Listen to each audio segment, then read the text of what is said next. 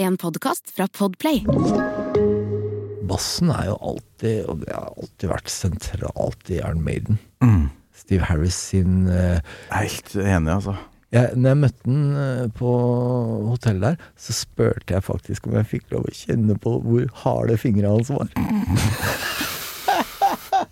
og de var steinharde på tuppa, altså.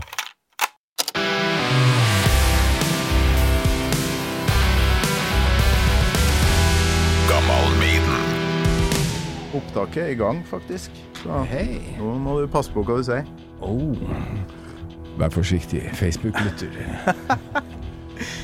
Jeg tror jeg har funnet rett mann altså, til å ta en runde på 40-årsjubilant Peace of Mind her.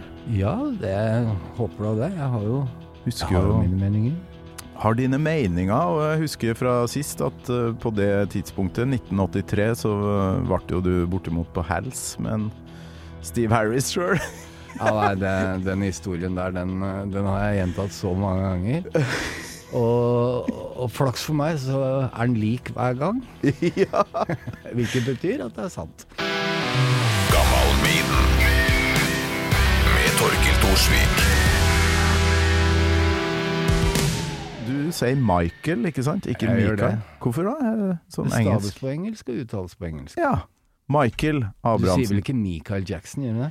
Gjør ikke det. Michael Krohn og Michael Abrahamsen.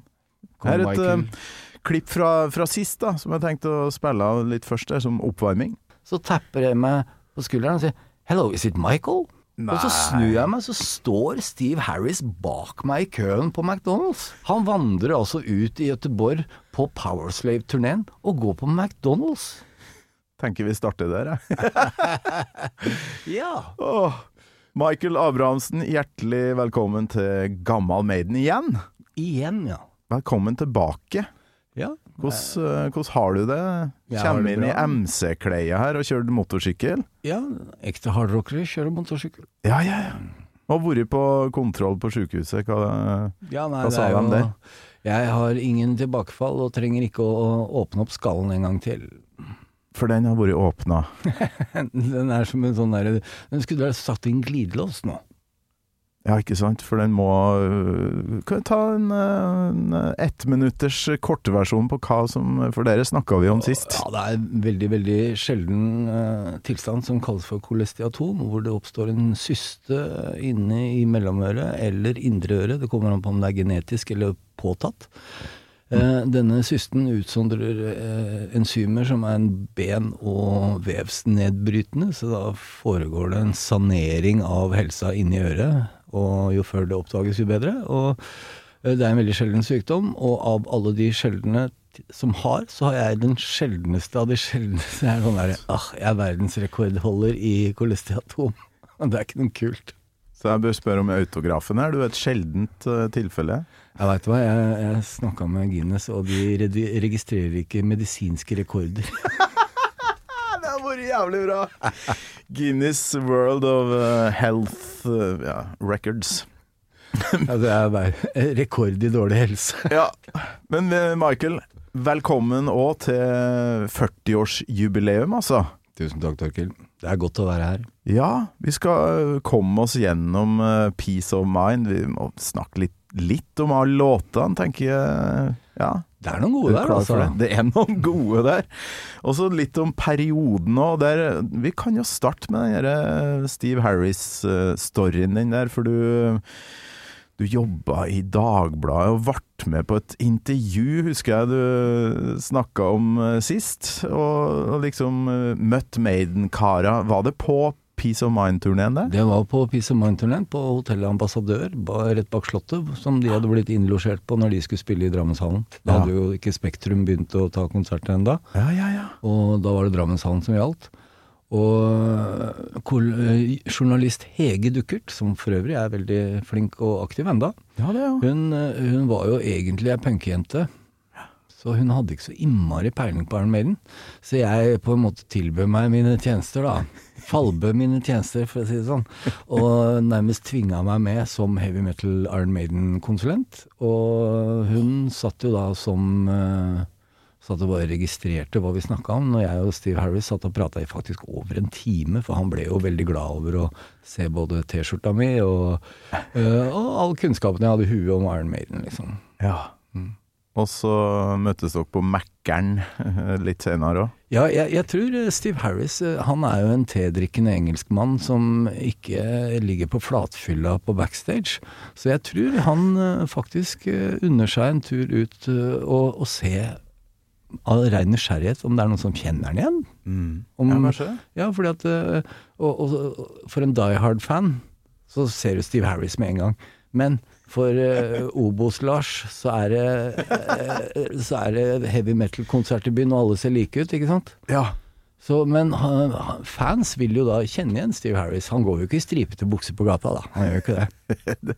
Spandexen, den uh, er forbeholdt uh, scenen. Så det, du, du var on top of the world i 1983. Husker du første gang du hørte um, Peace of Mind-albumet? Ja, det var jo på utgivelsesdatoen, det. Jeg var jo rimelig blodfan allerede. Og da eh, på sjappa, da, eller tok du med den hjem? Eller? Nei, det, det var ikke noe vits i å prøvelytte på den i, i headphones på platesjappa på Imerslund. Det var ikke det. Så den ble med hjem med en gang og spilt på høyt volum sammen med kompiser. Ja. Steike. Jeg må øh, Tidsbildet her, da, så er det jo andre albumet til, til Bruce, og de er jo på en kjempeopptur etter Number of the Beast. Ja. Det, Da hadde jo ikke Powerslave kommet ennå. For det er mange som regner Powerslave som liksom toppen av Maiden-diskografien. Mm. Men for meg så, så er det faktisk Peace of Mind, altså. Ja. Fordi at eh, eh, musikkinteressen min, den sånn fragmenterte seg veldig etter eh, 1984. Da kom det så sinnssykt mye bra. Ja. Så da, da kunne man ikke bare være sånn ettbandsfan. Du måtte jo bli new wave of British heavy metal. Ja, ja, ja. Jeg driver og leser en sånn Metallica-biografi nå, og 84 var vel eh, Ride the Lightning og mye annet thrash, ikke sant? Så ja. Det, det der var, det var kanskje et år der Maiden bare fikk lov til å være på topp. Ja, men de rula så innmari. Mm. Og eh, jeg husker jo konsertene med Eddie-figuren, som de fremdeles da også drar fram, stakkars.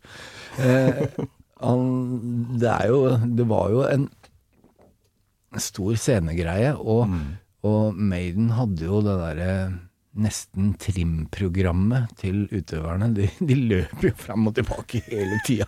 Det ser ut som de øh, trener til et eller annet. Ja. Nei, steike, vi Hvordan var Ble jeg nysgjerrig på noe? Hvordan var liksom Eddie og backdrop? Var det noe sånn stor-Eddie-tryne på Peace of Mind uh, World Peace Tour? Ja, var det ikke det, da? Eller var det For sånn um, Nei, jo, det var det store Eddie-huet. Slavery Tour, det var det jo sånn sarkofag og en gigantisk mumie bak der. Ja, da var det egyptertema, ikke Ja. Hadde Mens- de begynt med den store Jeg tror det var én stor skalle som lyste veldig. Ja, ok. Det, eh, Den derre s- lobotomerte han kommer helt sikkert til å bli eh, superarrestert her. Ja, men jeg elsker det. Når jeg får sånne mailer, sånne sinte folk. da. Hæ, husker du ikke det? Men eh, ja, skal vi, skal vi begynne med coveret? For du går jo i butikken, du plukker opp det her coveret, Ja. og glor jo da rett i øynene på, på Eddie. Husker du det? Mm. ja det er Det coveret er litt spesielt. Det, det var litt uvant for Derek Riggs å ha så lite detaljer. Ja! At eh, Bakgrunnen der. Ja, det, det, han hadde Derek Riggs han putta jo alt mulig rart inn i coveret, og i hvert fall på, på, på de skivene som kom etterpå. Da tok det jo helt av. Mm. Men uh, Peace of Mind er kanskje det enkleste coveret. Ja, for det er bare en sånn uh, lita celle med sånn uh, Hva det heter det? Eh, Polstra. Ja, padded cell. Padded cell.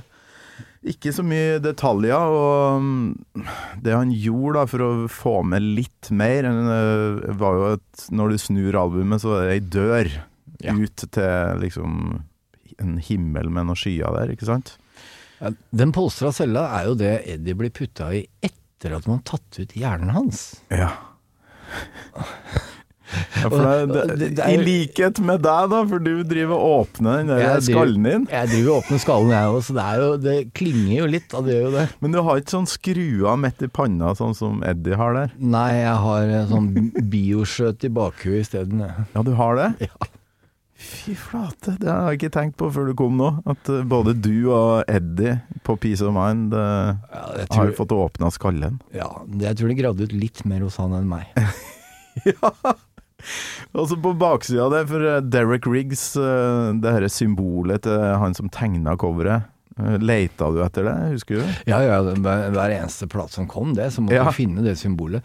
Og det var mange som ikke skjønte at det var signaturen til tegneren. Så de trodde at det var en slags Maiden-hieroglyff eller et eller annet, så de satte det på jakkene sine og tegna det sjøl Ja, Som fans gjorde i gamle dager med sprittusj på olajakke, liksom.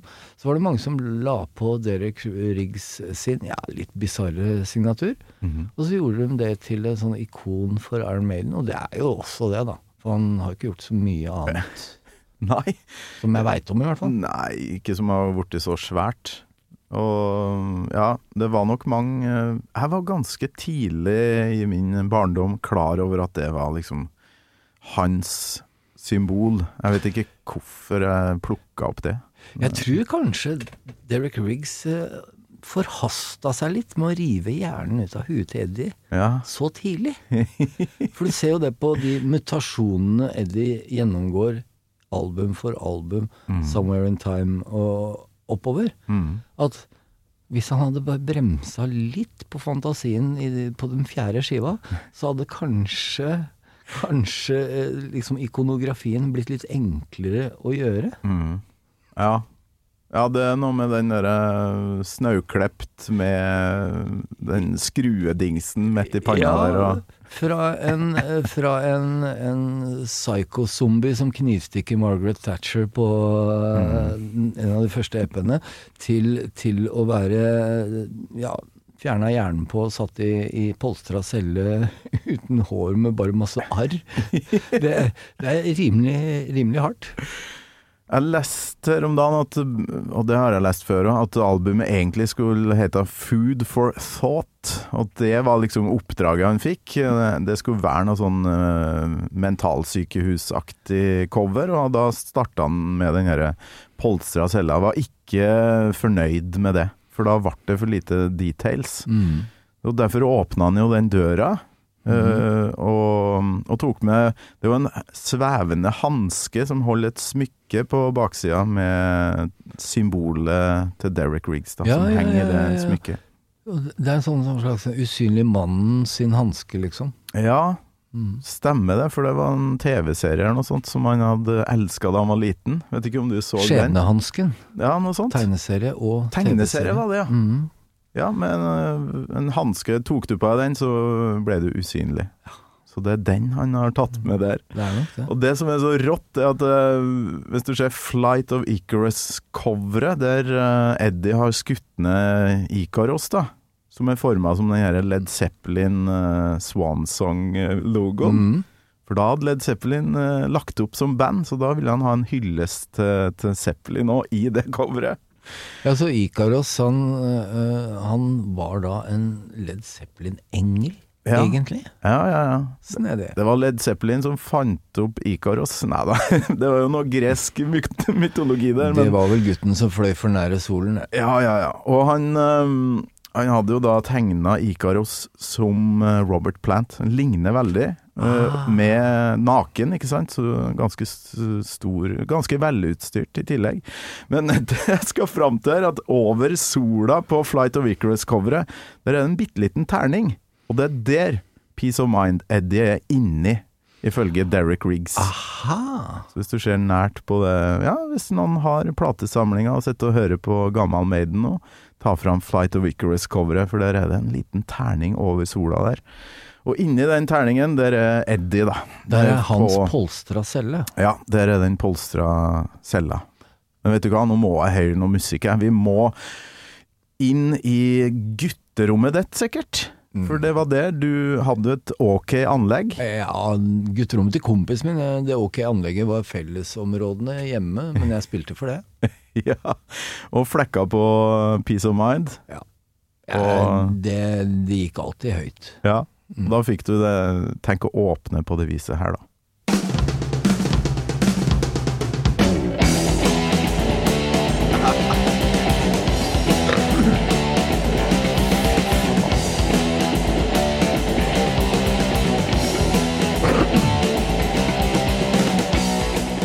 Helt rått.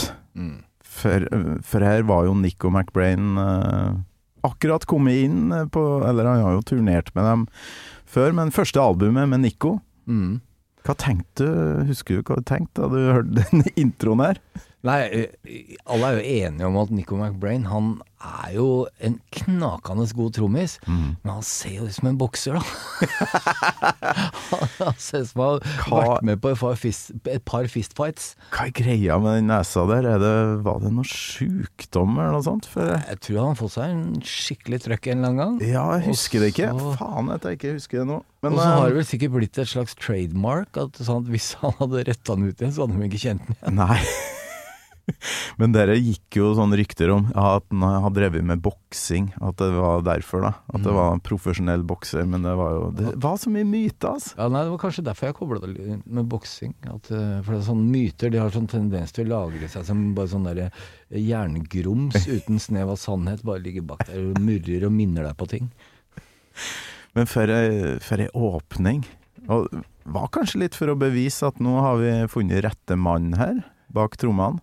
Sånn, Clive Burr var jo rette mann egentlig, spør du meg, men når vi først skulle bytte, så hvorfor Mm. ikke han karen her? Det fins jo mennesker som eh, sier at uh, trommebreaksa til Clive Burr kanskje var litt for enkle. Ja, sånn ja. Mm. Hmm. Han eh, er det Number of the Beast? Er ikke det litt gjentar- deilig, da? Han gjentar jo det samme trommebreaket på ved hver, hver gang det skal breakes. Så er det det samme, samme trommebreaket. Det er mange som syns det er litt repetitivt Ja. og litt eh, oppfinnsomt. Litt Men det kan være kult òg. Ja, men det var noe med gruven hans, øh, og ja, Mm. for en maskin han var. Men vi skal jo først svinge Nå skal vi høre et par øh, liveversjoner av den her øh, introen, for det her er jo blitt ei, en staple, skal vi kalle det. Mhm. Åpningslåta på 40-årsjubilant Peace of Mind. Her er fra A Real Live One, det er vel det første klippet her. Whatever the problem is, Clint Eastwood is gonna fix it when he goes down!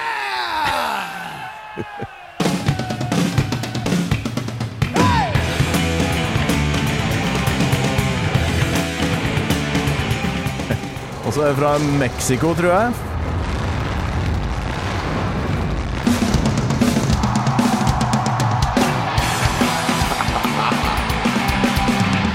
Ja, jeg har det i seg fremdeles. Det her var rimelig ferskt, da, Ja. det siste her. Men det er jo bare åtte, da. Én, to, tre, fyr. Én, to, tre, fyr. Jo, jo. Men det er så mange trommiser som har vært innom her, som eh, ikke helt har skjønt hva han gjør, for det er noen smådetails der. Om det er gulvtam eller Ja, basstromme han putter sikkert inn 17 slag i de åtte. Ja, ja, ja. ja. Flakketataketa. Men det, jeg har sett folk på YouTube som eh, får det til, altså. Mm. Så det er ikke eh, umulig der. Men han var jo inn på Clint Eastwood der, så vi skjønner hva låta handler om. Ja. Ja. Det er Clint Eastwood. ja. Han sa Bruce sa det. Whatever the problem is, Clint Eastwood's gonna fix it. Og da er det filmen 'Ørneredet'. Der er jo Klinter'n oh, med. Ja, ja, Where Ja, ja, ja, ja, Så klart. Så klart. Og da er vi allerede inn på mye av tematikken på Peace of Mind, som jeg lurer på er rekord i Maiden-sammenheng på både litteratur og film, altså. Det er utrolig mye sånne referanser i tekstene på det albumet her. Ja, det er jo ikke den derre 'se på meg, jeg er best'-tekstene. Nei. Og det er heller ikke 'hva jeg gjorde i går kveld'-tekstene.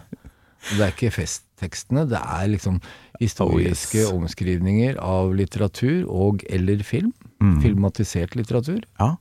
Og du som er gammel Bon Scott-fan, eh, sang i Big Balls, og, og det gjorde du jævlig bra. Eh, der er det jo, ja, for å sammenligne med ACDC da, det er mye puling. Jeg vet ikke om hvor mange låter Maiden har om puling, men det, det er ikke mange, altså. Eh, Charlotte Harlot, Ja. 22 Acacia Avenue. Yes. Eh, samme Hooks- tema, begge Hooks to. in you. Da. Eh, nei, så, ikke sant? Det, det Maiden har gjort smart, er at de ble aldri politiske. De synger ikke om seg selv. De, de synger om myter, og, og som de jo synger om drager, så synger Maiden om slott og, og store riddere og, og ting som du kan Ja, du kan nesten lukke inn øynene og lage film i hodet ditt av tekstene. Ja. Det var vel kanskje det som hooka meg inn i Maiden-verden, altså. Den herre måten å, å framføre tekst på. Fortelle en historie, og ikke minst melodisk òg. Og få meg som hører på, til å, å, å bli røska inn i den verden. da. Og der er faktisk Peace of Mind helt uh, eksepsjonell. Det er en stemning på det albumet her som uh, de ikke har på Number of the Beast, og heller ikke på Powerslave. Det er vel nesten en konseptplate. Ja, ja. Litt. Kanskje dra det litt langt. Nesten Hva, tenker, hva slags konsept tenker du på da? Film? Litteratur. Litteratur, eh, film. Ikke-personlig teksting og, og skrive eh, omskrivning av historie og andre hendelser som har vært Mm. beskrevet i litteratur og film. Ja. Så ja på det en måte jo- slakt, Det er jo et konsept. Vi, vi, gjør, his, vi gjør historiene heavy metal-style. Mm. Ja, det kan vi ha i bakhodet når vi beveger oss videre her. Vi, må, vi har glemt å skåle. Du har kaffekoppen her. Det Begynner å bli kald, kaffen, skjønner du. Rai, rai, Skål! Rai, rai! Så trekker du den mikken bitte litt lenger ned. Der, ja. Der tror jeg vi får det helt perfekt. Nå skal vi inn i låt nummer to. Revelations. Og da har jeg tatt ut et lite klipp fra første verset.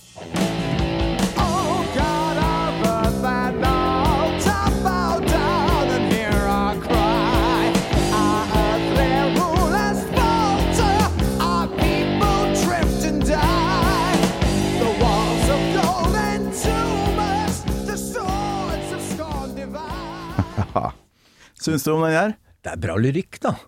The Walls of Gold and Tomb. Det er helt rått. Men eh, det er jo dessverre stjålet. Uh, Førsteverset er stjålet. Det er vel det. Er du klar over det, eller? For det visste ikke jeg, for det var en, en eller annen gjest som påpekte her. Er det er det, det som er Mr. Crowley? Nei, det er en salme.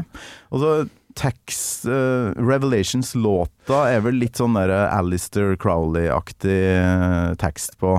Uh, Leke seg litt med, med den okkultisten. Men det fins en salme av en Chesterton, eller noe sånt uh, britisk. Og hør på, hør på første verset der.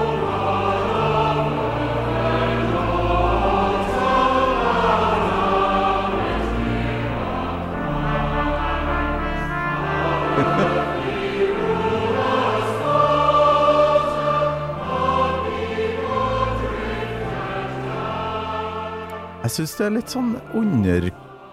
Er det snikkristnifisering? Ja, syns det er litt underkommunisert. At uh, det her uh, førsteverset er både melodi og tekst er rett og slett knabba fra en, eh, en britisk salme. Revelations, åpenbaringen, er Jo, jo, ja, i Bibelen og alt det der, er det Ja, ikke det? ja, Johannes' åpenbaring, der mm. finner vi jo 616, eller var det 666? Ja. De lærde strides. 616, er det en greie? Ja, det har vært en debatt nå på at uh, dyrets nummer ifølge en ny omregningsvariant er 616. Okay. Så alt må skrives om, beklager. Nei! 616! The number of the beast! Det har liksom ikke den samme schwungen, da. Let him who hath understanding reckon the number of the beast, for it is a human number. And its Its number number is is 616. Det går jo ikke. Nei, men jeg, å, jeg elsker den låta her da så mye at eh, jeg gir farsken i at det er en salme som har den melodien. Det gjør det egentlig litt mer interessant. For det, det her er Bruce Dickinson på skrivesida, altså. Han har laga hele sulamitten. Ja, men han er jo Det bor en liten Shakespeare i han jævelen der. Ja.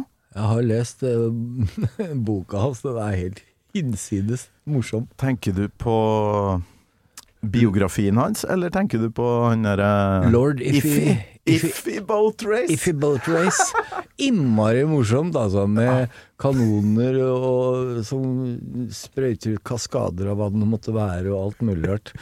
Det er det, det, Ja, han er en verdensmann. Han er en, eh, et renessansemenneske som òg har spilt den her i lag med Ian Anderson fra Jethro Tull. Og på tverrfløyte og greier. Ja, det er noe greier her. Vi vi må høre bitte litt, skal vi se.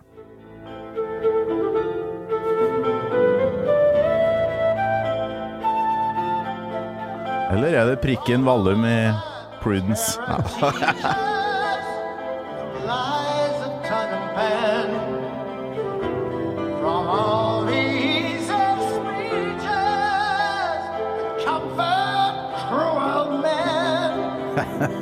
Han har pipes, den fyren der. Altså. Han har pipes, og jeg tror på det opptaket her i ei kirke. Kirkekonsert med Ian Anderson, gjestevokalist Bruce Dickinson. Jeg tror faen ikke han hadde mikk håndholdt. Det var bare en mikk som sto to-tre meter fra han. Det er ikke uten grunn at han ble kalt The Air Raid Siren.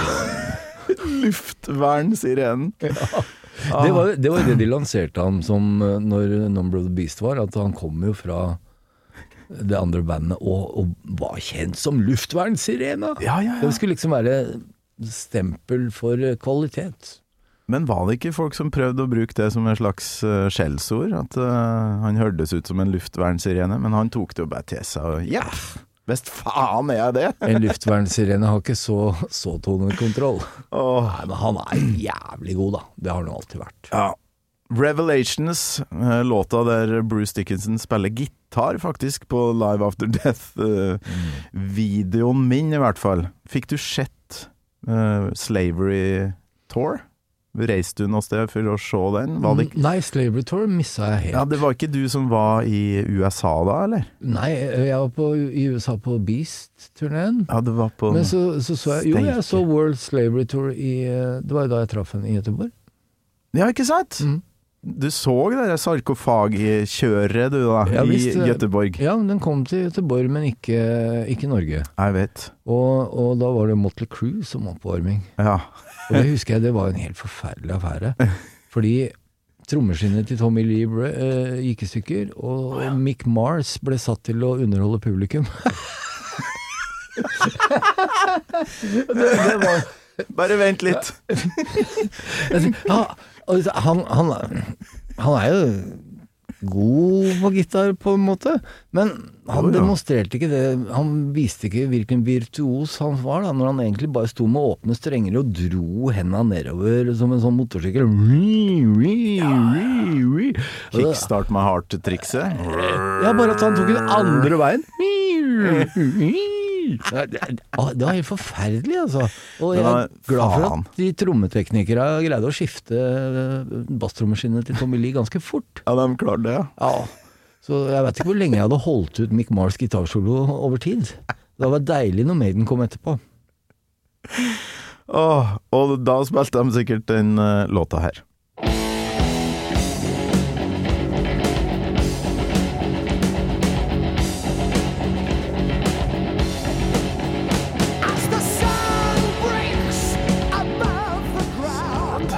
Ja, for den er med på Live After Death, i hvert fall. Så den spilte de sikkert. Faen, den Asia her eh. Ja, det er, det er så bra stemning akkurat idet han begynner å synge når gitarene bare rir sånn, klinger så fint bortover. Det er en fin, fin feeling i låta, altså. Og den har akkurat det rette tempoet. Mm. 110 beats per minute, tror jeg de landa på. Nøyaktig samme som Stranger in a Strange Land, så det ja, de skjønte at uh, den biten der, den må vi bruke på nytt.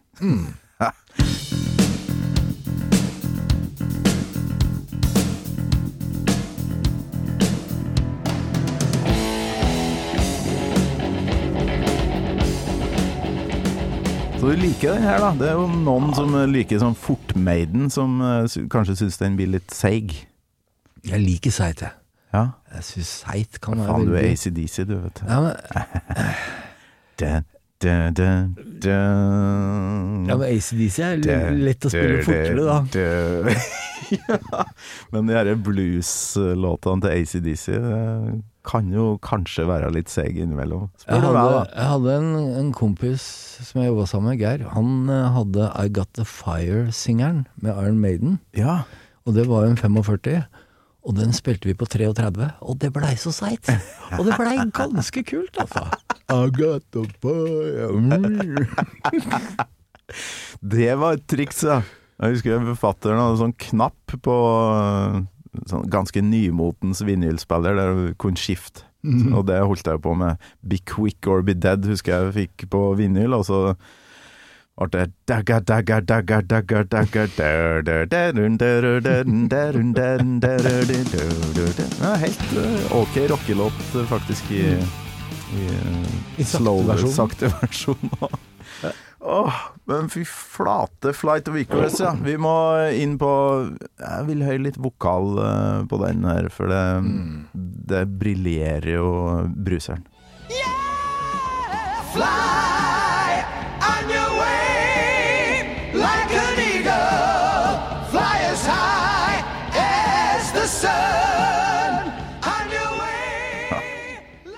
Her har de skjønt at nå, nå skal vi melke den her luftvernsirena her. Han ligger jo i tre lag. Her er det mye Bruce, Det er mye Bruce. men det funker. Ja. Det er vanskelig å kore seg selv live, men de får det til. Åh, og så skriket. Vi må ha med skriket. Fly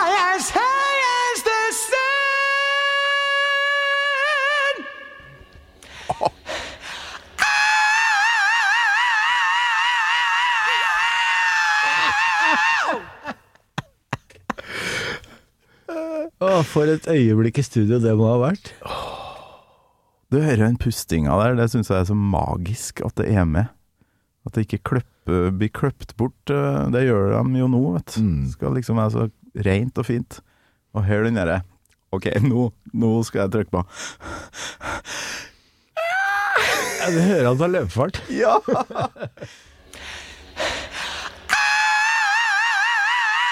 en fantastisk vokalist for, for A-side, da. For den eh, Det er jo bare gull her. Det fortsetter jo det inn i eh, evigheten med neste låt.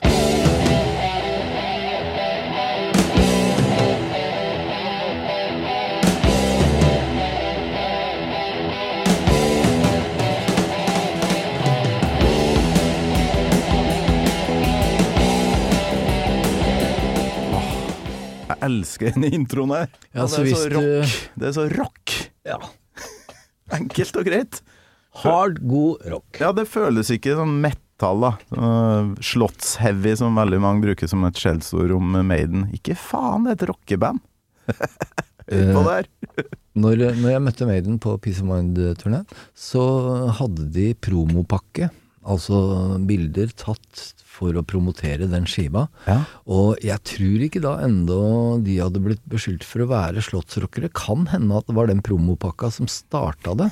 Fordi der sitter de i en slags sånn Old English library med rustninger og øh, sånn morgenstjerner og øh, kampøkser på veggene Ja. rundt et stort herskapsbord. Du ser at det er øh, røkesalongen i en eller annen British øh, lite slott, ikke sant.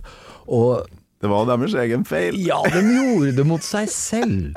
Fordi at, og så står de ute på klippene med vind i håret, og det er så Alle klisjeene på en gang, bare bang, bang, bang, bang. Ah, herlig gjeng. De, ja, de gjorde det mot, litt mot seg selv. De Sjølironi, vet du. Jeg elsker det. Og så på bordet der, uh, for det bildet er jo inni coveret. Ja, Ja, inni coveret. Der er det jo en hjerne Mhm. Og, på, og på det bordet. på den fotosession så var det en del forskjellige settings som de var innom, tydeligvis. Og det ble også brukt i promomateriell og annen PR Okay. til den plata. kult. Vet du, det er to rustninger der. Vet du, Eh. vet du hvem som er inni der? For det er folk inni rustningene som står vet- bak. Dette veit jo du. Hva, hva i all verden er inni der? Jeg Leste for et par dager siden Jeg visste jo at Martin Birch, eh, produsenten, Produsenten, ja. uh, har gått inn i den ene og gjøgla rundt, og så bare Nei, men faen, vi må, dere må jo være med på bildet. Men inni den andre rustninga så er det jo Derek Riggs, for han var jo flydd over til Jersey, der de drev og tok de bildene her og øvde for studio, for å mm, ja, pønske ut et konsept i lag med bandet. Og da var det sånn OK, du, du må være med du òg, men han hata å bli tatt bilder av, han ville ikke bli gjenkjent på gata som han derre Maiden-tegneren eller noe sånt. Så da var det visiret ned Mm. på hjelmen der. ikke faen om han skulle ha og så The. Headmaster i den andre. Nydelig. Ja, headmaster Martin Birch, som eh, så klarte å sette sitt preg på, på det her albumet, og egentlig alle Var dette siste han produserte? Nei, han ble jo med til, til og med Fair of the Dark, tror jeg. Ok. Mm. Så han eh, Det var litt av et ekteskap som dessverre tok slutt der, men det var kanskje like greit. At, eh, for da ville vel Steve Harris prøve noe nytt, både på vokalfronten eh, ble han jo nødt til, og Mm. ja, etter Fair of the Dark, da. Mm. Lite høydepunkt fra Die With Your Boots On her, som, som er litt sånn eh, favoritt eh, Alle som er innom på din alder, Michael, Eh, nevne den låta her som en sånn, sånn slags favoritt. Hva syns du om Jeg- jeg Die With Your Boots On? En av grunnene til at Steve Harris kjente igjen eh, jakka mi, var at eh, over Purgatory, halvt djevel, halvt Eddie, Ja. over alle de hundrevis av pyramidenaglene, så sto det 'Die With Your Boots On' ok. I rødt på hvit blanco. Å ja, du har laga sjøl? Jepp. Med blanco, ja. Ja, Blanco og med rød tusj oppå hvit blanco. Det var jo så stivt det flaket på toppen av olajakka det Så han eh, kjente igjen eh, jakka, først og fremst. Først og fremst jakka. Ja, den var jo ganske spesiell. da. Det var ingen som hadde ryggmerke med Purgatory-coveret. Nei, det var kanskje ikke Det sånn. er aldri i verden skjedd. Det har kanskje blitt lagd i ettertid, men jeg gjorde jo Og så huska han navnet ditt. Ja, Han gjorde det. Hvor lenge er det mellom da at du møter på Peace of. Mind-intervjuet? Et og et halvt år eller noe sånt bare. Ja.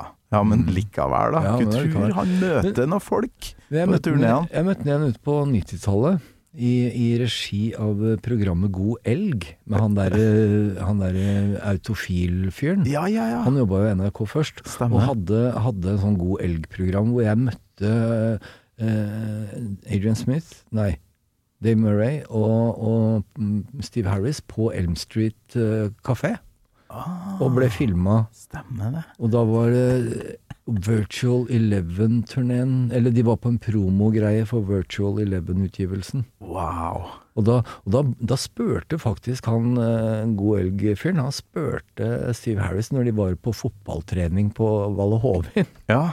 Han spurte han Husker du Michael Abrahamsen fra Norge? Og da sier han Nei, det gjør jeg ikke. Og da ble jeg også spurt i forkant, da. Okay. Tror du han husker navnet ditt? Så da sa jeg veit du hva, han møter tusenvis av mennesker, så det tror jeg ikke. Nei. Jeg fikk rett i det òg. ja, men da hadde det jo gått hvor mange år? Det var jo 12-13 år, det. Mellom der, da. Ja, Ja, fra, kanskje noe sånt noe. ja. fra mm. Slavery Tour. It, it was virtual 11 years. Yes, it was. Vi skal høre på han uh, du nevnte først der, Adrian Smith. Det her er høydepunktet mitt i Die With Your Boots On.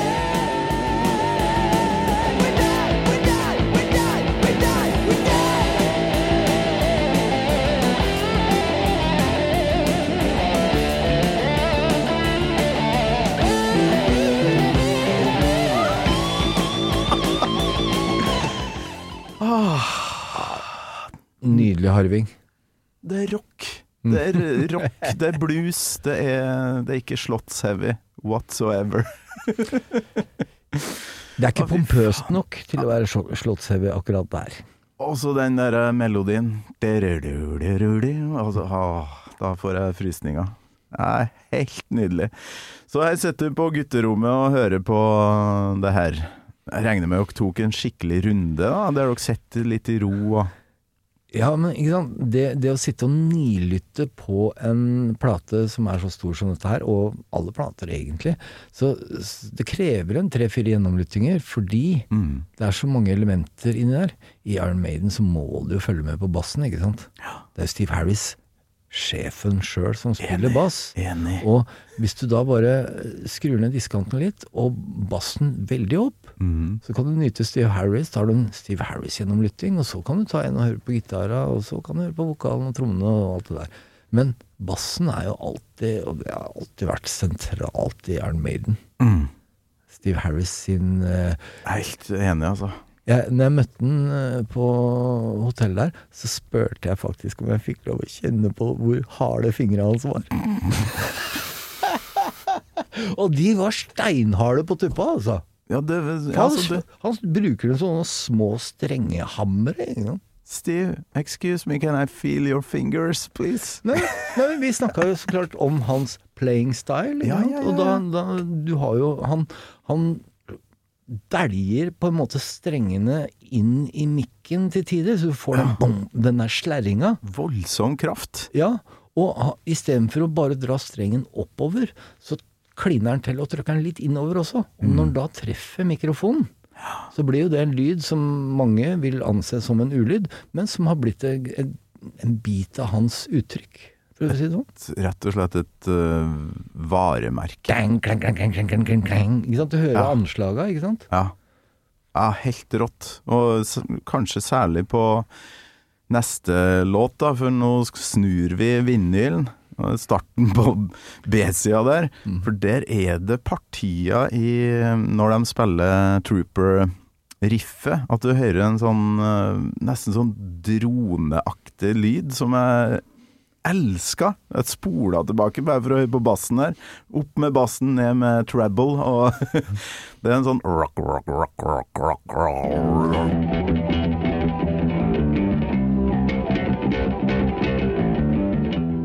Vi kan i hvert fall høre på introen.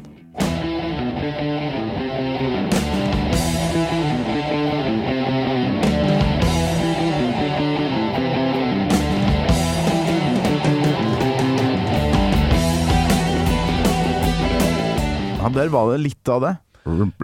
Ja, det, ikke sant? I, I studio så kliner de opp veldig, men du hører utrolig lett på live-tappinger at, eh, at der slerrer det i bassen. Ja. Men han, han spiller jo ikke feil.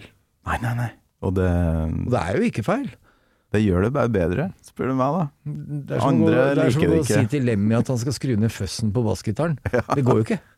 Hadde jo Mayhem-bassist Jørn Stubberød her. Han likte ikke den der eh, klekketi-klekk, men eh, det er smak og behag.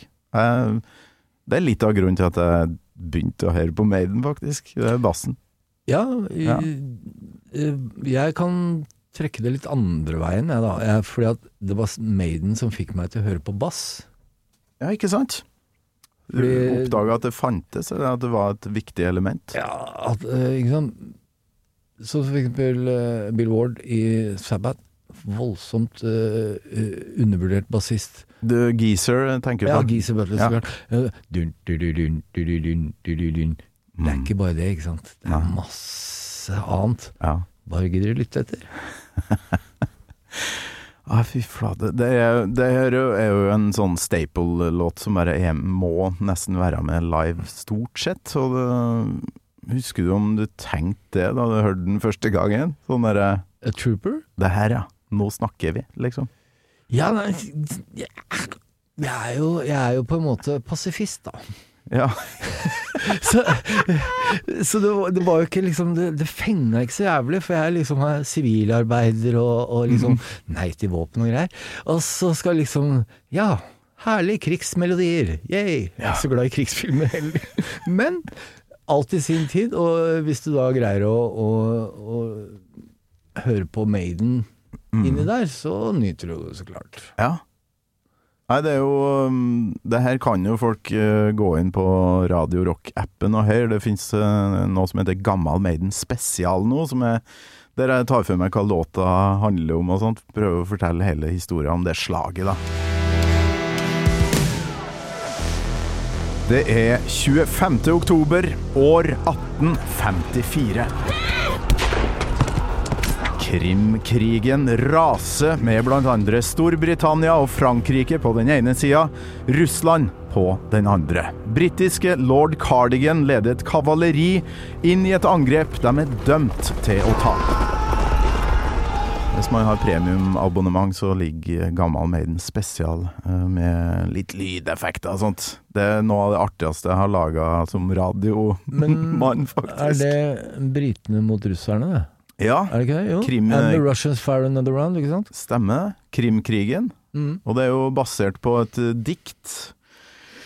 Uh, Alfred Lord Tennyson, 'The Charge of the Light Brigade', som ble skrevet om uh, det slaget der. Mm. Omtrent 600 bare ble slakta ned i et eh, bakholdsangrep. Det finnes jo en milliard versjoner av The Trooper, for den er jo liksom Maiden-låta. Um, nylig My, Miles Kennedy, han derre um, Alter Bridge og Slash-vokalisten.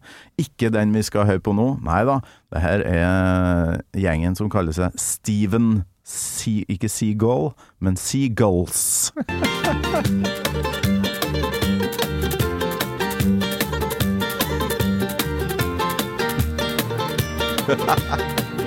Jeg lurer på om han er fra Finland her nå. Er dritbra. You take my life, but I'll take yours too. You fire musket, but I'll run you through. So when you're waiting for the next attack, you better stand, there's no turning back. Ah, artig versjon.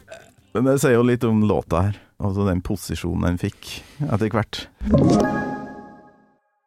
You're listening to a podcast. I'm Bruce Dickinson. You're not. And you're listening to Gamal Maiden. Neste, da snakker vi òg litteratur, altså. Uh, still life. Vi må ha litt uh, musikk først.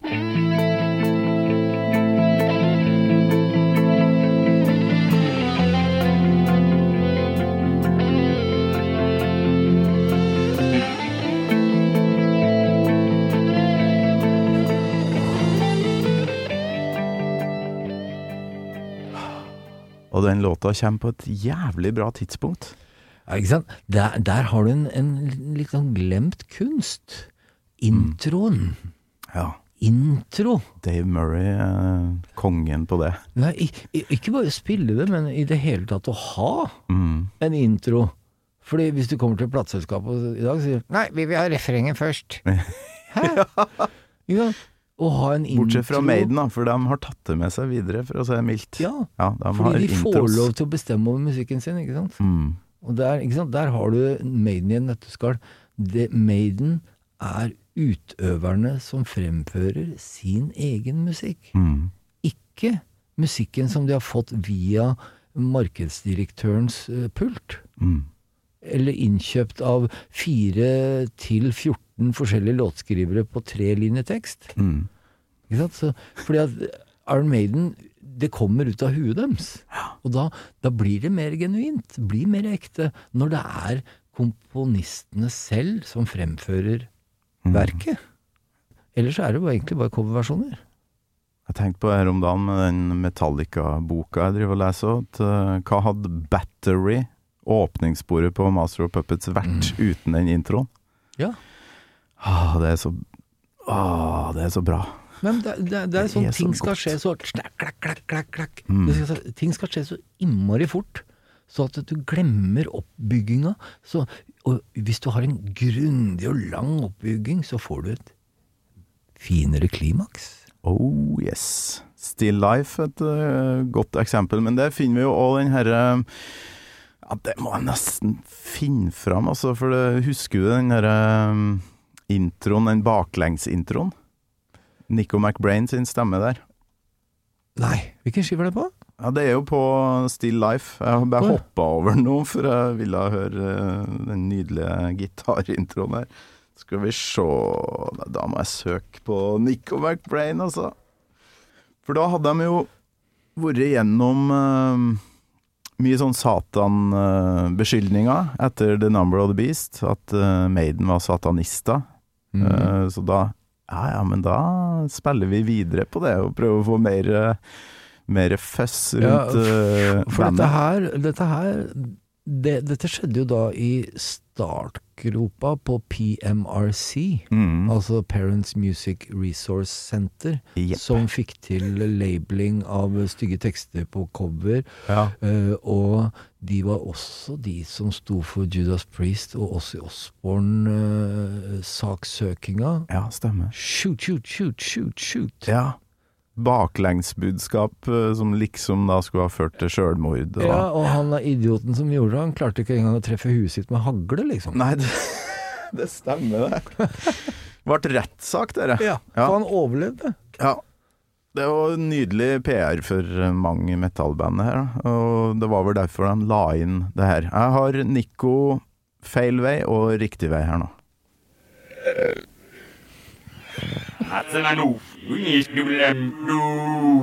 Den husker jeg. jeg Og så er det snudd Snudd riktig vei her nå. Det var en Idi Amin-etterligning han eh, gjør, jeg skjønner det. Idi Amin, ja. ja, ja. For who said the thing with three bones? Good melody thing you won't understand.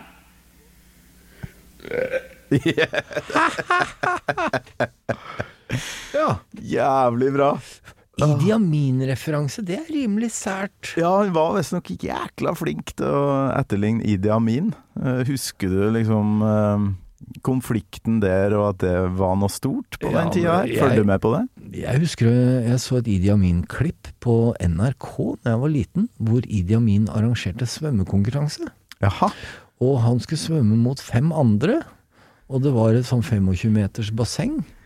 Og de andre skulle svømme rett fram, og han skulle svømme på skrå. Hvilket skrå er jo lenger. Ja. Dermed så skulle han da vise seg overlegen. Det som var litt morsomt, var at han svømte jo med knytta never. Ja. På tvers av alle de andre.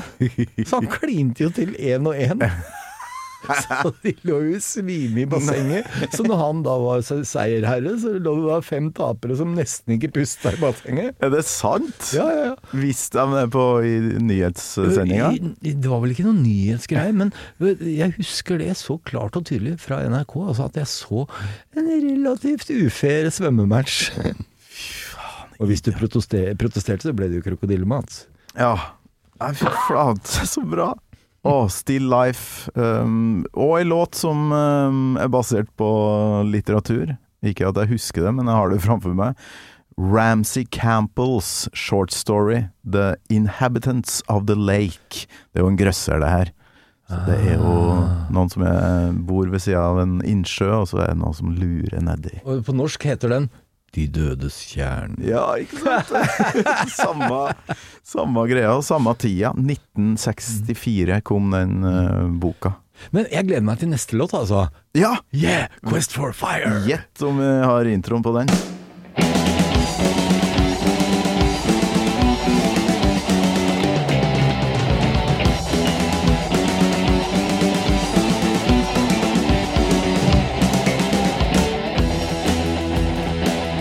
Der jeg ble i gang. Ja, jeg, jeg husker jeg var og så den filmen når den kom i 1981. Da var jeg 15 år gammel, det var 16-årsgrense. Men jeg var og så den på Colosseum kino.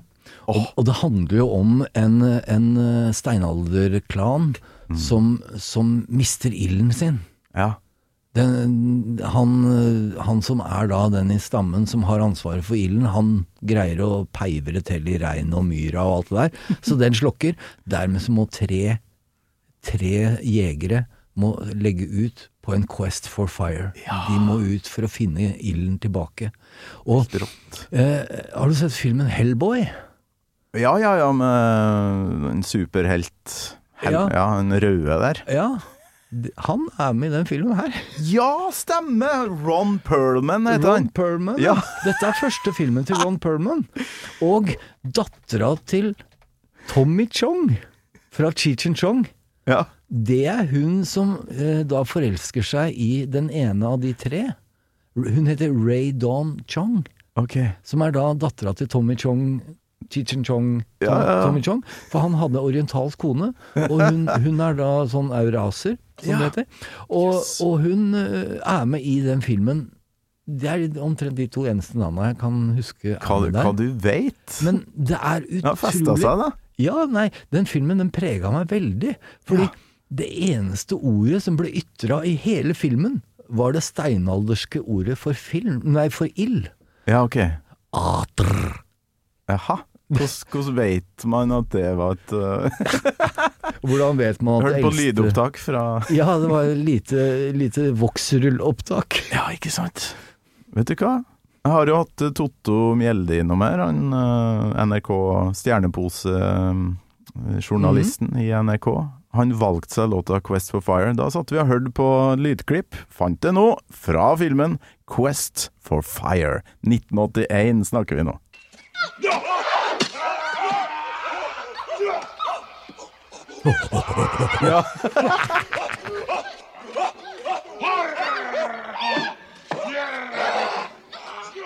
Ron Perlman i full eh, slåsskamp.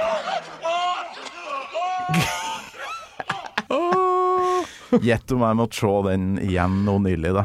Ja. Og, og det er jo Det er en kul film òg, ikke sant? Den er kul. Den er det, altså. Det er så morsomt å se folk de, Jeg syns det. Det er en fransk, tror jeg. Og det er så utrolig kult at de uh, hadde guts til å gjøre det. Ja, det. Ja, for det er jo ikke noe kommunikasjon der. Det er jo bare grynting og og så er det veldig primitivt. Du ser liksom Ja, de har tatt eh, folk til fange, og så er de kannibaler, så henger de opp i trærne mens de og skjærer deler av dem som niste. Ja. Det er så drøyt, vet du. ah, Men eh, det er jo den største blooperen til mm, Steve Harris, eh, tror jeg, da, i denne låta. Hvis vi hører på fantastisk eh, fremførelse av Bruce her, men teksten er jo, har jo litt sånn um, faktafeil, da.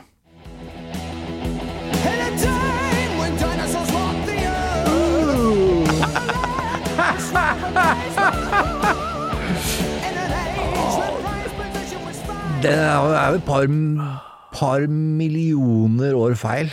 Ja. 66, eller noe sånt. 65 millioner år mellom de tidsaldrene her. Dinosaurs walk the earth.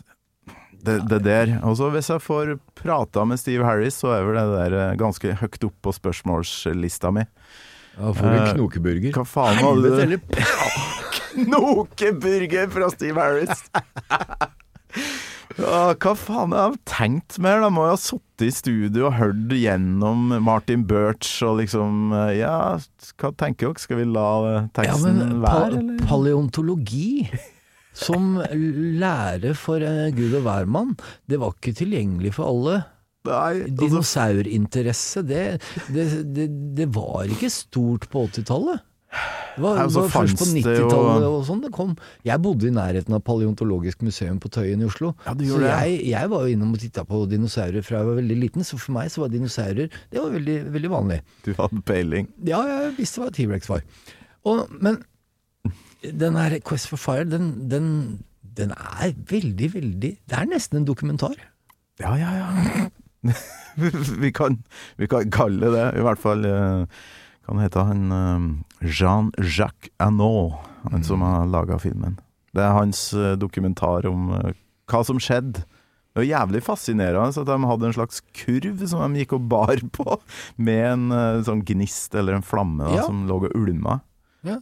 Det Du kan trekke paralleller til Olympiade og alt. Jeg har jo sett noen sånn Lars Monsen-programmer der han har en, en spesiell sopp, eller en sånn knoll, som det heter, som du kan finne. Mm. og hvis du tenner en gnist inni en sånn uh, sopp, faktisk, så kan den ulme i vekkasvis Og du kan bruke den til å tenne bål. Så En ulmesopp? det? En ulmesopp, ja. Uh, ja. Nå var vi faen meg innom en Lars Monsen-digresjon her òg. Herlig, herlig, herlig. Maiden, altså. Quest for Fire. eh, Du reagerte kanskje ikke på teksten da du hørte det her i 1983, men Eh. jeg gjorde ikke det, nemlig. Tidlig 90-tall. Fikk uh, peace of mind fra en uh, kompis i Nei, jeg, bursdagsgave. jeg, jeg kan ikke si at jeg Nei, Nei. jeg gjorde ikke det, altså. Nei, Men, men Nei, det- jeg burde. du burde jo det. Ja. Jeg hadde jo peiling på sånt, da. Men uh, Et par, ja, både den her og neste. Et par sånn litt undervurderte låter her, syns jeg. Ikke borti med noe live videre, og veldig sjelden spilt på radio. Sun and Steel. Ja. Om ja, det de holder på med nå på senjutsu. Samuraier og sverd og greier. Det er jo helt rått.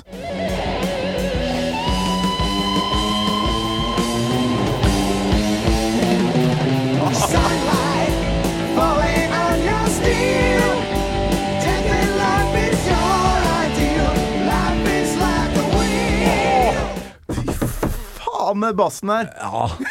Men, men. Ah, jeg elsker det. men den eh, At den ikke har blitt med på livesammenhenger, det kan jeg for så vidt skjønne litt, for det er, dette er en av fillerne på skiva. Det er en filler, ja. Det er- men det er en bra for låt, meg for all så er det faktisk et av høydepunktene. Men det er jo sånn vi er skapt. Vi er forskjellige, og alle har sine egne favoritter. Og, og sverdgreia, det er jo noe som vi vet appellerer til Bruce. Ja da. Mm. Han trengte vel allerede på det tidspunktet her noe å bruke hjernen sin og kroppen sin på. Jeg vet ikke om han, når han egentlig starta med kordefektinga si, men han var i hvert fall en rastløs fyr, da. Han måtte ha noe trening. Ja, Istedenfor bare drikking og sånn som andre band holdt for, på. for, en, for en miserabel tilværelse.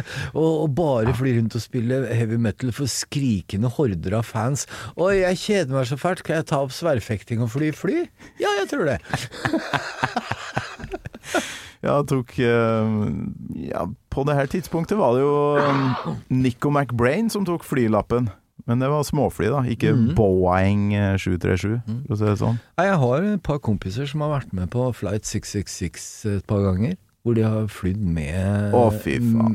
med sjefen sjæl til Maiden Happenings. Ja. Rått. Ja. Ingo. Det, Ingo. Det har jeg lyst til å være med på. Ingo, skal vi sende hilsing til Ingo? Det er han som har vært med på Flight 666. Ingo, Kan du ikke- er, kan ikke jeg er misunnelig på eh, deg, din jævel.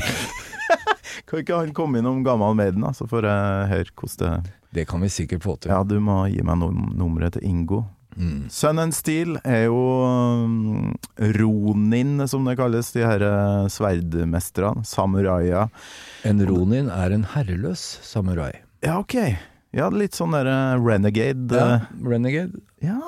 Mm. Miyamoto Musashi, står det på Wikipedia. Handler den eh, låta her om. Uh, sikkert basert på ei bok uh, Ja, essay Mm. av Yukio Mishima fra 1968. Jeg lurer på om ikke Yukio Mishima var den uh, japanske poeten som var den siste som begikk harakiri. Ok, jøss. Faktisk. Jeg, det var en eh, Har du hørt det navnet her før? Jeg tror det er han som begikk eh, rituelt seppuku, som det heter, eh, på 70-tallet. Som Ja. den siste i historien som gjorde det. Åh, Hva du vet? På 80-tallet så var jo det der veldig mytisk. Mm. Med Harakiri og de ninjafilmene som kom. Det er, det er jo så brutalt, vet du. ja. For en viljestyrke du skal ha. ja. For vet du, når du når du begår et såkalt harakiri, så skal sverdet inn fra høyre side, Ja. og skal det på venstre side av ryggen. Og så skal du dra den over, og så skal du inn på skrått til midten og opp. ja, det er en prosess, Å faktisk. herregud, hvor langt Jeg tror ikke jeg hadde ikke greid mer enn fire centimeter, altså. ja, helt rått. Det er jo beskrevet i teksten her, vil jeg tro. Sun and Steel. Så Yukio Mishima, 1968, eh, skrev han den det essayet som hadde tittelen Sun and Steel, da, som Mm. eh, de har stjålet tittelen fra her. Stjel som noe ravna, vet du. Nei, nei, nei, nei, det er resirkulering. Det er veldig Ja, ja, moderne. ja. Det er den grønne bølgen, Torkild. Ja, det er gjenbruk. Vi kunne ha snakka veldig lenge om hver låt her, men nå skal vi til, til Dune. Science fiction.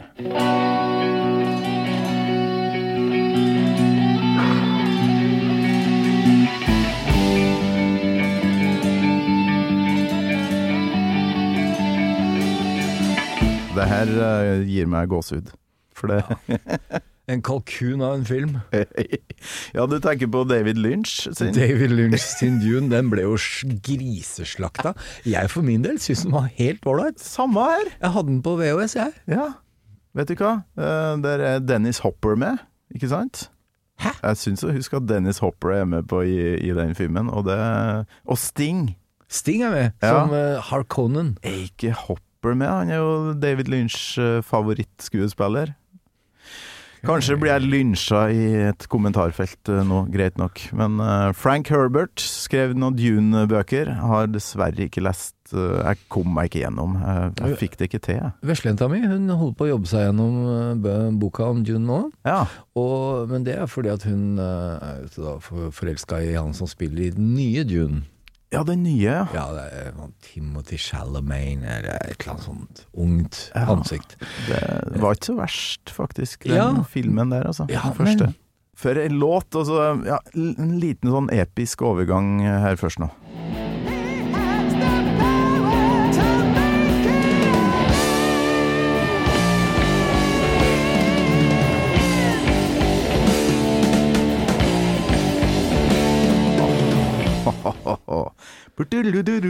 Hvor lang, hvor lang er den egentlig, den låta her?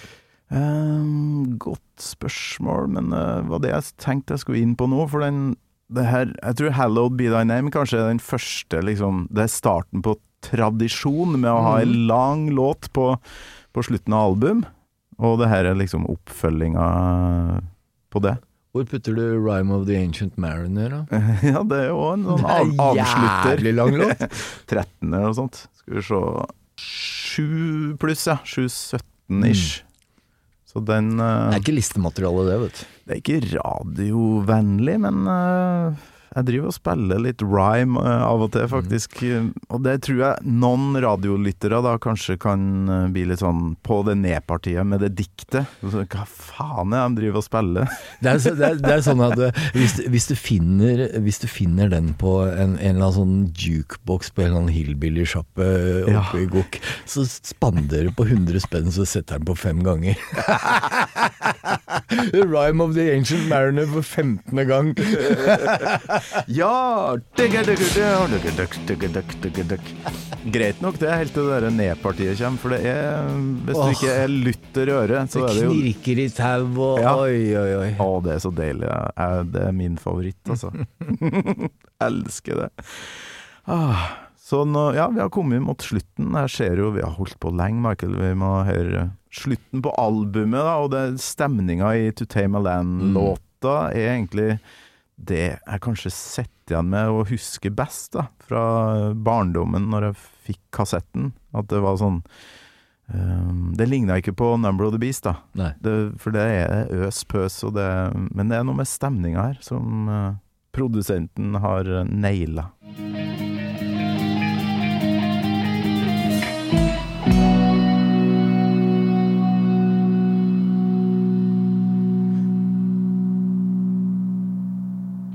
Der er det en gong. Ja, det er, Det er en som, gong som som ligger der. synger ut, ja. Ja. Men du hører ikke slaget så godt. Det altså Nei, de har feida den opp og, og latt den ringe ut. Ja. Mm. Genialt. Slike små produksjonsverdier. Mm. Kommet oss gjennom faen meg 40 år siden. Syns du det er rart å tenke på at det er 40 år siden du eh, fikk deg det albumet her? Det er helt merkelig, men det albumet her har, har spilt en veldig, veldig, veldig stor rolle i, i livet mitt, egentlig. Ikke fordi at musikken har prega meg så innmari, men eh, det som skjedde i forbindelse med at jeg møtte Maiden og alt det der, det, det, har, det har på en måte sparka åpen en haug med dører som jeg har benytta meg av langs veien. Eh, jeg har blitt liksom ut av denne session med Steve Harris, så kom det jo en dobbel helside i, i Dagbladet. Ja. Og jeg har jo opplevd at folk har kommet bort til meg som jeg har blitt kjent med, og så har jeg kjent dem en stund, og så har de sagt etter en stund at veit du hva, jeg innser nå at jeg hadde deg på veggen på gutterommet. Fordi de har hengt opp det eh, avisoppslaget hvor jeg møtte Maiden, da. Og hengt opp bilde av Maiden med meg inni der. Ja, men! Så det, har- det har Så vært klart. Ja, og, og, og det, Tror ikke mange utklipp som ligger i, i pappeska på kvesten til mor og far rundt omkring, med deg på. Kanskje.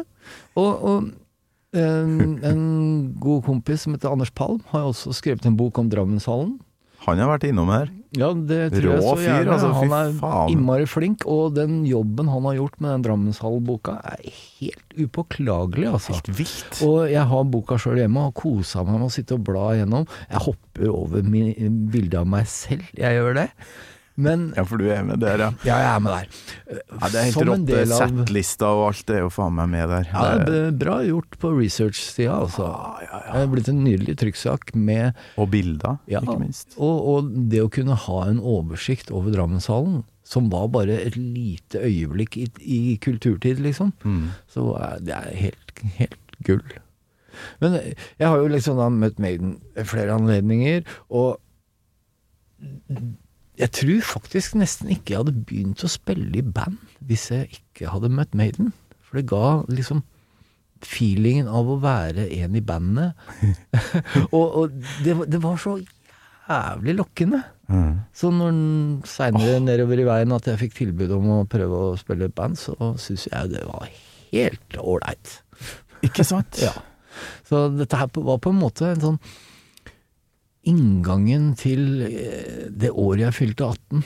Mm. Ikke sant? De sier ofte det at det året du fylte 18 er en sånn eh, formativt år. Det året som preger deg og, og gjør deg voksen. Og, og det, det som skjer i mitt 18. år, var 1984. Som for øvrig jeg syns var det feteste året i historien.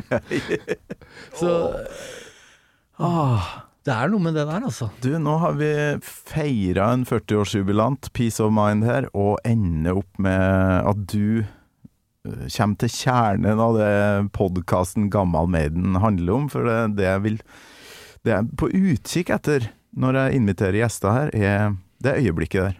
Altså, når ble du Michael Abrahamsen, eller når Hva, hva var det øyeblikket? For, for meg så er det Jeg tror faktisk av Maiden så begynte jeg jo i, i band etter hvert, og rockeband og ikke jazz og sånt som jeg òg holdt på med. At jeg tok det valget. Alle de småvalgene man tar av den derre Nå skal jeg være Maiden-nerd. Ja, Ok, jeg er rocker.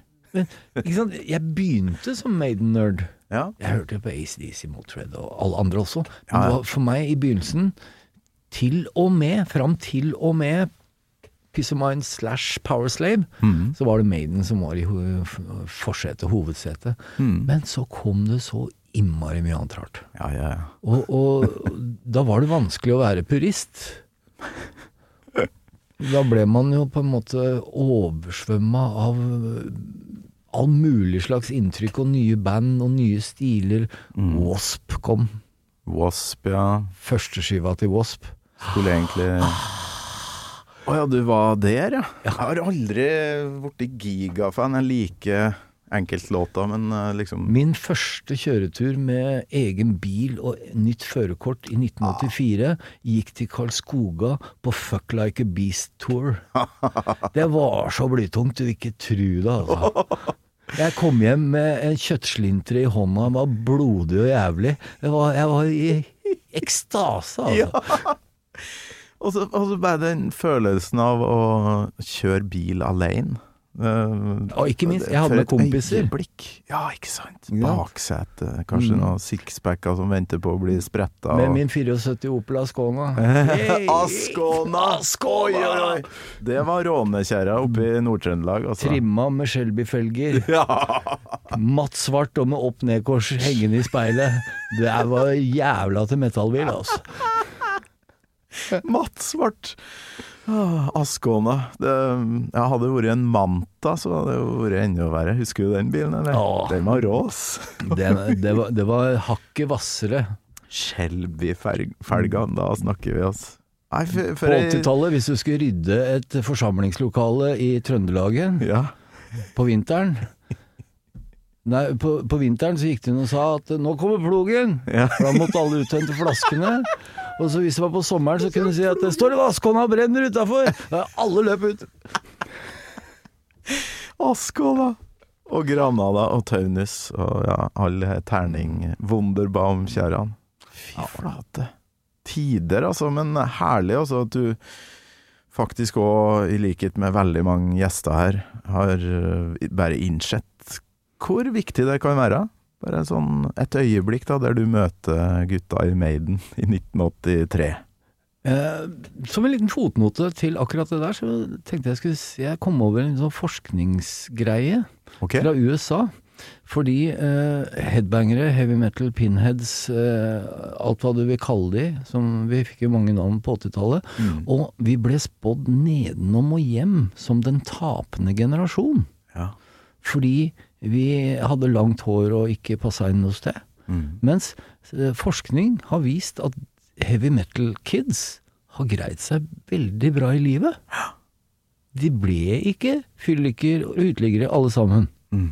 Noen sikkert. Men de fleste ble ordentlige mennesker, Ja. som fremdeles den dag i dag har musikkinteresse, musikksmak. Ikke alle har langt hår, kanskje, av, eh, av fysiske eller politiske grunner. Der har du et kjempepoeng. Jeg har akkurat eh, invitert en som heter Lasse Josefsen, som er ekspert på eh, ja, de, de, de mørke tingene som foregår på internett. da. Mm. Incels og QAnon og alle grupperingene av eh, Ekkokamrene. ja, gutta veldig ofte som ikke har tilhørighet noe sted. Mm. Og han gjorde meg oppmerksom på en kronikk i Sverige der, eh, som handler om hvor mange uh, incels som ikke ble skapt pga.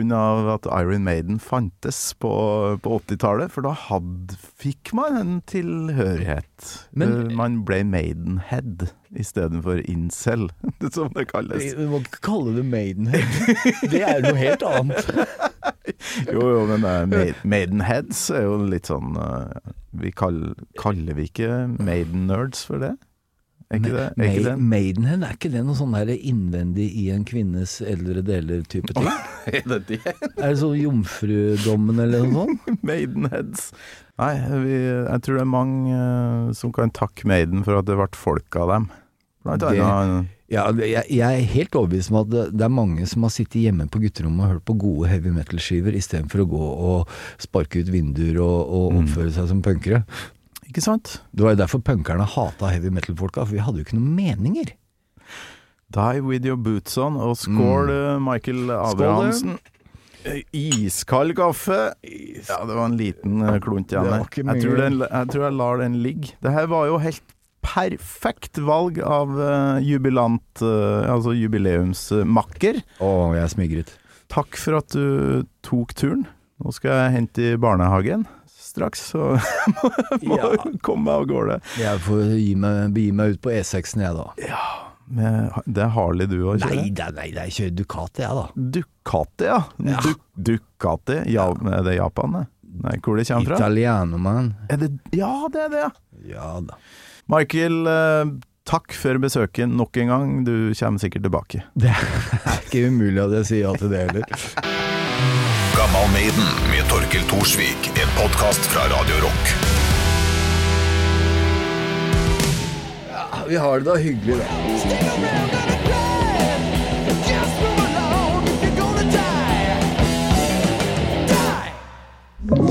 Du har hørt en podkast fra Podplay.